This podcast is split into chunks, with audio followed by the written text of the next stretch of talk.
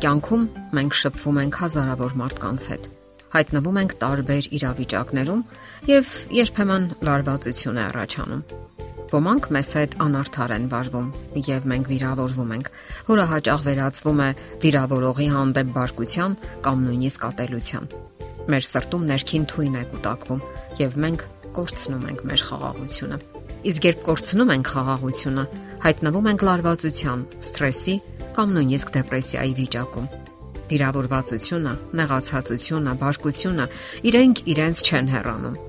Իսկ ինչպես ազատվել այս եւ նման օրինակ զգացումներից։ Նախանձ, խանդ, որոնք անընդհատ սնում են մեր ներքին աշխարհը եւ վերջին հաշվով քայքայում մեր առողջությունը։ Հոգեբանները հաճախ են ասում իրենց այցելուներին Ատելությունը հիվանդություն է, որը կարելի է կանխել եւ թույլ չտալ, որ վիրավորանքներն ու դժգոհությունները արմատ գցեն մեր սրտում։ Երբ դուք նկատում եք, որ որևէ արարք կամ խոսք ձեզ հանում է հունից, հարցրեք ինքներդ ձեզ. ինչու դա այդպես ազդեց ինձ վրա։ Հնարավոր է դուք նկատում եք, որ ձեր ցանկություններից որևէ մեկը չի կատարվել եւ բարկանում եք կամ նյարդայնանում Ուշադիր քննեք ձեզ։ Միգուցե դա նրանից է, որ դուք այլ սպասումներ ունեիք, այլ Միգուցե դա նրանից է, որ դուք այլ սպասումներ ունեիք այդ մարդկանցից։ Եվս մեկ հարց տվեք ձեզ. Ինչ կարող եմ անել, եթե այդ մարդը չի ցանկանում ենթարկվել իմ կանոններին։ Պատասխանը սա է. Դուք իշխանություն չունեք փոխելու ուրիշ մարդկանց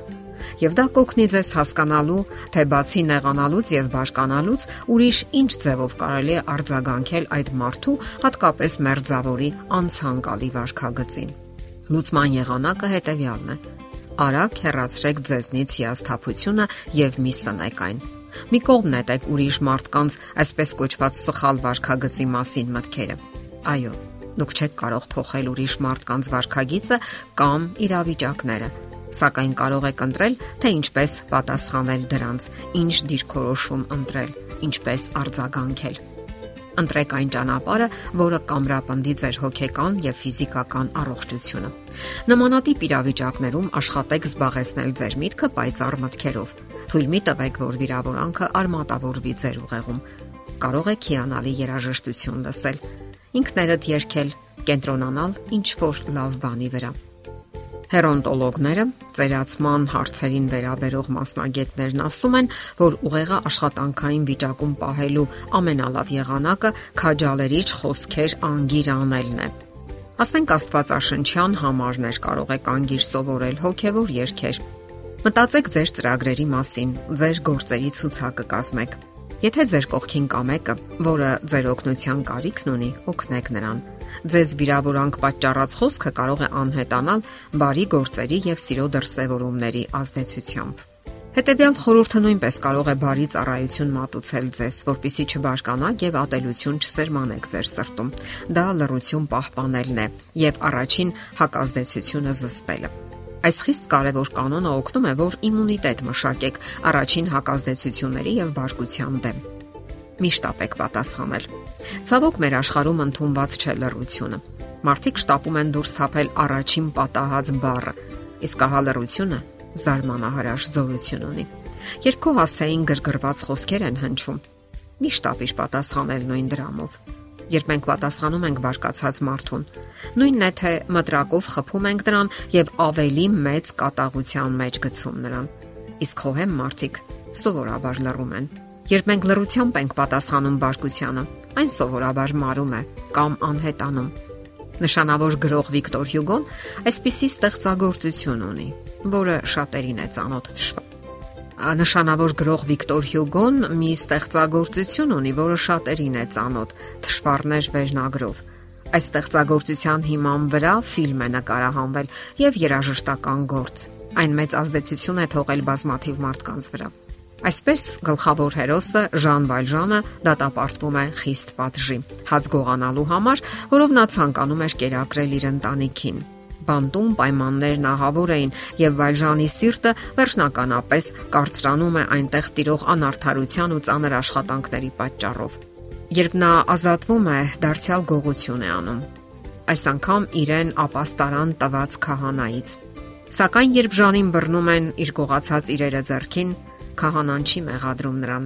Նա ասում է, որ նրան է նվիրում արծաթյա սպասքը։ Եվ նույնիսկ ավելին է անում, նվիրում է նաեւ արծաթյա մոմակալը այս գթասիրտ արարքը մեկ ընդմիշտ փոխում է Ժան Վալժանի կյանքը նրա սիրտը բացվում է գթասրտության, առատաձեռնության եւ ողորմածության առաջ Ահա թե ինչպես կարելի է պայքարել վիրավորանքների եւ բացասական արարքների դեմ հակառակ գործողություններով։ Մենք էլ կարող ենք գիտակցական որոշում կայացնել եւ չառաջնորդվել այս ռոպեական զգացումներով։ Հասկանալի է, որ մեզ վիրավորել են, մեզ նեղացրել են, սակայն դրանով աշխարը չի վերջանում։ Հնարավոր է եւ հարկավոր է պայքարել մերձավորի հանդեպ բարություն, կարեկցանք կամ առատաձեռնություն դրսևորելով։ Այդպես վարվելով դուք ձեր միտքն ու հոգին ազատագրում եք այն բացասական զգացումներից, որոնք կարող են խախտել ձեր ոչ միայն հոգեկան հավասարակշռությունն ու ներքին խաղաղությունը, այլև ֆիզիկական առողջությունը։ Այդպես կարող եք բացել նոր հորիզոններ ձեր զգացումների համար, ազատ լինել վիրավորվածությունից, նեղ սրտությունից, ատելությունից եւ այդպես նաեւ կարող եք ներել ձեզ վիրավորող մարդուն։